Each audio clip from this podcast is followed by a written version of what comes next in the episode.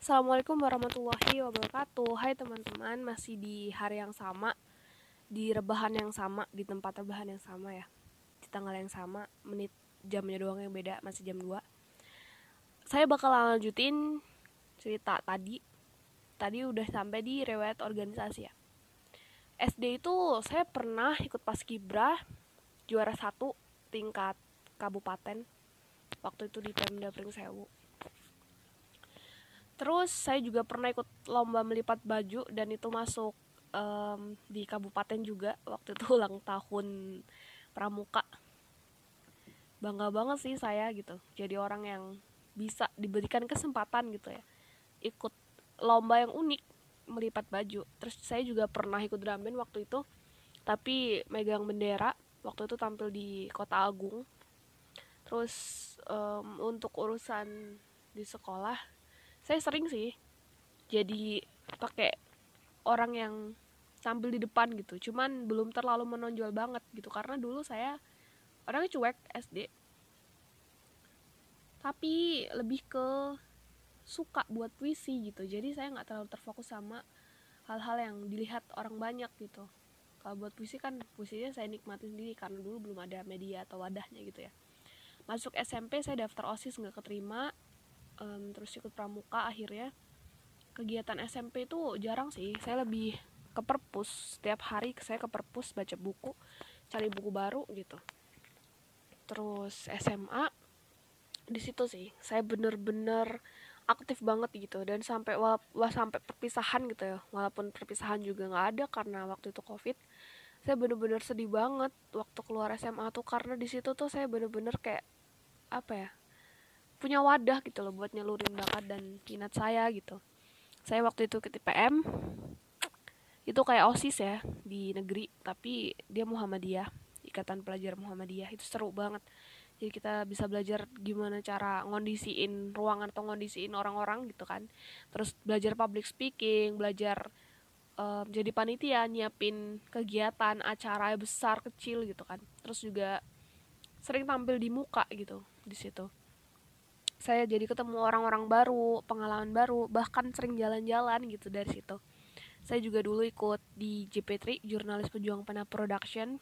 Itu film dan jurnalis. Itu pertama kali sih saya ngerasain gimana rasanya buat film yang dari apa nyiapin dulu gitu bahannya sampai akhir dieksekusi di syuting gitu kan. Terus akhirnya dieksekusi lagi di editing dan akhirnya jadi film dilombain kita presentasi kita ngeliat film yang kita buat terus akhirnya juara itu rasanya seneng banget gitu. Rasanya semua rasa lelah kita tuh terbayar gitu di juara itu. Terus juga saya masih suka bikin puisi. Saya beberapa kali ikut lomba puisi di SMA di luar SMA juga. Lomba tulis menulis juga di SMA tingkat waktu itu tingkat uh, eh, se SMA gitu di Pringsewu terus saya juga ikut drum band. Pengalaman unik sih ini. Saya pertama kali ngangkat-ngangkat si bel itu yang dulu SD saya pernah pingin banget jadi itu tapi ternyata nggak bisa gitu karena udah kelas 6 di SMA tuh saya jadi bel saya megang bel. Keliling Bandar Lampung saya inget banget tuh saburai terus saya keliling kelilingin Bandar Lampung di acara ulang tahunnya milad milad Muhammadiyah sebelum tahun untuk negeri satu tahun sebelumnya terus abis itu di Pringsewu saya juga drum band waktu itu di acara Muhammadiyah juga. Keliling itu sama-sama pegel banget asli. Dan itu kan kayak bener-bener numpuk di pinggang ya di punggung sih. Lebih tepatnya itu tuh kayak eh uh, capek banget gitu. Tapi seru gitu. Terus juga um, saya sering pokoknya sering gerak gitu di SMA sampai jarang pulang nginep sampai kadang dicariin orang tua gitu ke mana? Nggak pulang pulang maghrib gitu kan ya tuh. Terus hal yang selanjutnya itu pengalaman paling mengesankan. Apa pengalaman paling mengesankan? Uh, yang yang paling mengesankan dan nggak terlupakan itu sih di IPM sih. Itu yang kayak bener-bener kita dididik buat dan dilatih buat bisa uh, aktif kreatif cekapan gitu dan bisa apa ya bareng-bareng gitu. Ngelakuin apa dan eksekusi sesuatu hal itu bener-bener bareng-bareng gitu sama yang lain. Secara kelompok nggak individu gimana cara nyatuin otak orang-orang yang beda-beda gitu. Itu seru sih itu nggak bisa terlupakan gitu. Pengalaman paling memalukan sebenarnya nggak memalukan sih cuman saya masih ingat banget tuh sampai sekarang dan bener-bener berkesan banget. Bener-bener nggak bisa terlupakan juga uh, saya pernah ikut lomba stand up di SMA dilihat satu SMA SMP SMK karena itu bareng ya itu Muhammadiyah Pringsewu itu tuh bener-bener sih. Dan juri tuh nggak uh, ada satu juri yang galak gitu ya. Galak maksudnya tegas gitu dan terkenal killer gitu di SMA itu tuh sama sekali nggak ketawa. Bahkan ngasih muka asem gitu ke saya gitu waktu saya stand up di depan dia di depan beliau gitu. Itu itu rasanya bener-bener ih gitu. Satu minggu saya nggak berani ketemu sama beliau karena malu. Terus penulis favorit saya suka hmm, sampai sekarang sih saya masih suka Terelie cara beliau bawain cerita cara beliau ngemas cerita itu bener-bener keren menurut saya kedua mungkin Sana ya karena dia berhasil ngebuat saya nangis waktu ngebaca cerita dia yang Giz dan N saya suka banget tuh. Tapi di filmnya saya agak kenapa ya saya agak nggak suka film Giz and N gitu. Kayak apa ya apa yang di film saya tuh nggak nggak ada di film itu gitu loh. Tapi keren sih saya suka juga sama Hang, Hanggini ya Hanggini. Dari sebelum ada film itu saya emang udah ngefans sama Hanggini dan waktu ngeliat trailernya keluar itu bener-bener excited banget gitu. Waktu tahu pemeran Gis eh pemeran E nya ternyata Hanggini gitu kan. Terus um, jatuh cinta pengalaman jatuh cinta. Ada sih kalau uh, jatuh cinta iya kan fitrah ya tapi kalau pacaran baru pertama nih. Kuliah semester 1 dulu kemarin tuh ketemu sama satu orang yang bener-bener bener-bener apa ya masya allah banget gitu kan ya walaupun pacaran kan emang nggak boleh ya di Islam ya dilarang gitu. Karena ya itu al Isra 32 gitu. Dulu saya sering banget ngebahas itu di SMA gitu. Bahkan pernah tuh kita satu satu bis pulang dari acara pembukaan saya lupa pembukaan apa itu tapi di Muhammadiyah Bandar Lampung gitu. Satu bis tuh ngeliat satu orang e, dua orang boncengan gitu perempuan sama laki-laki.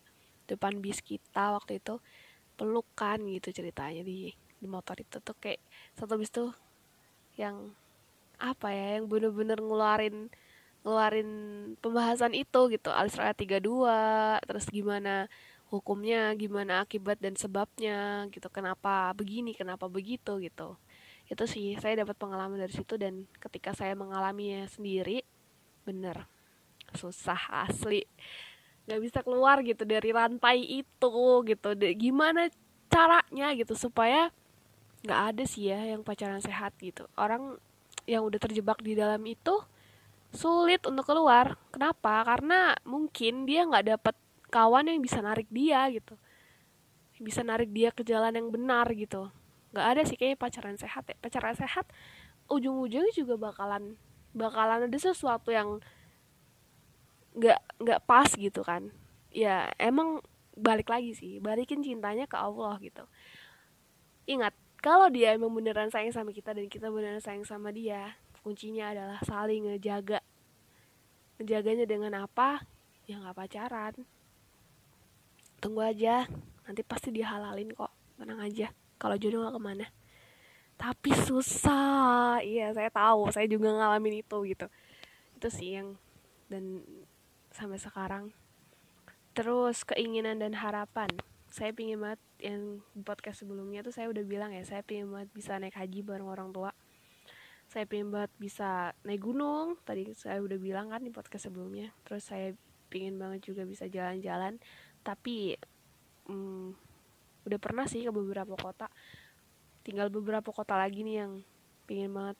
Emang saya orangnya suka apa ya suka pecicilan gitu loh suka jalan-jalan suka jalan-jalan nih. Lebih tepatnya suka jalan-jalan suka ngeliat tempat-tempat baru gitu. Lebih ke situ ya.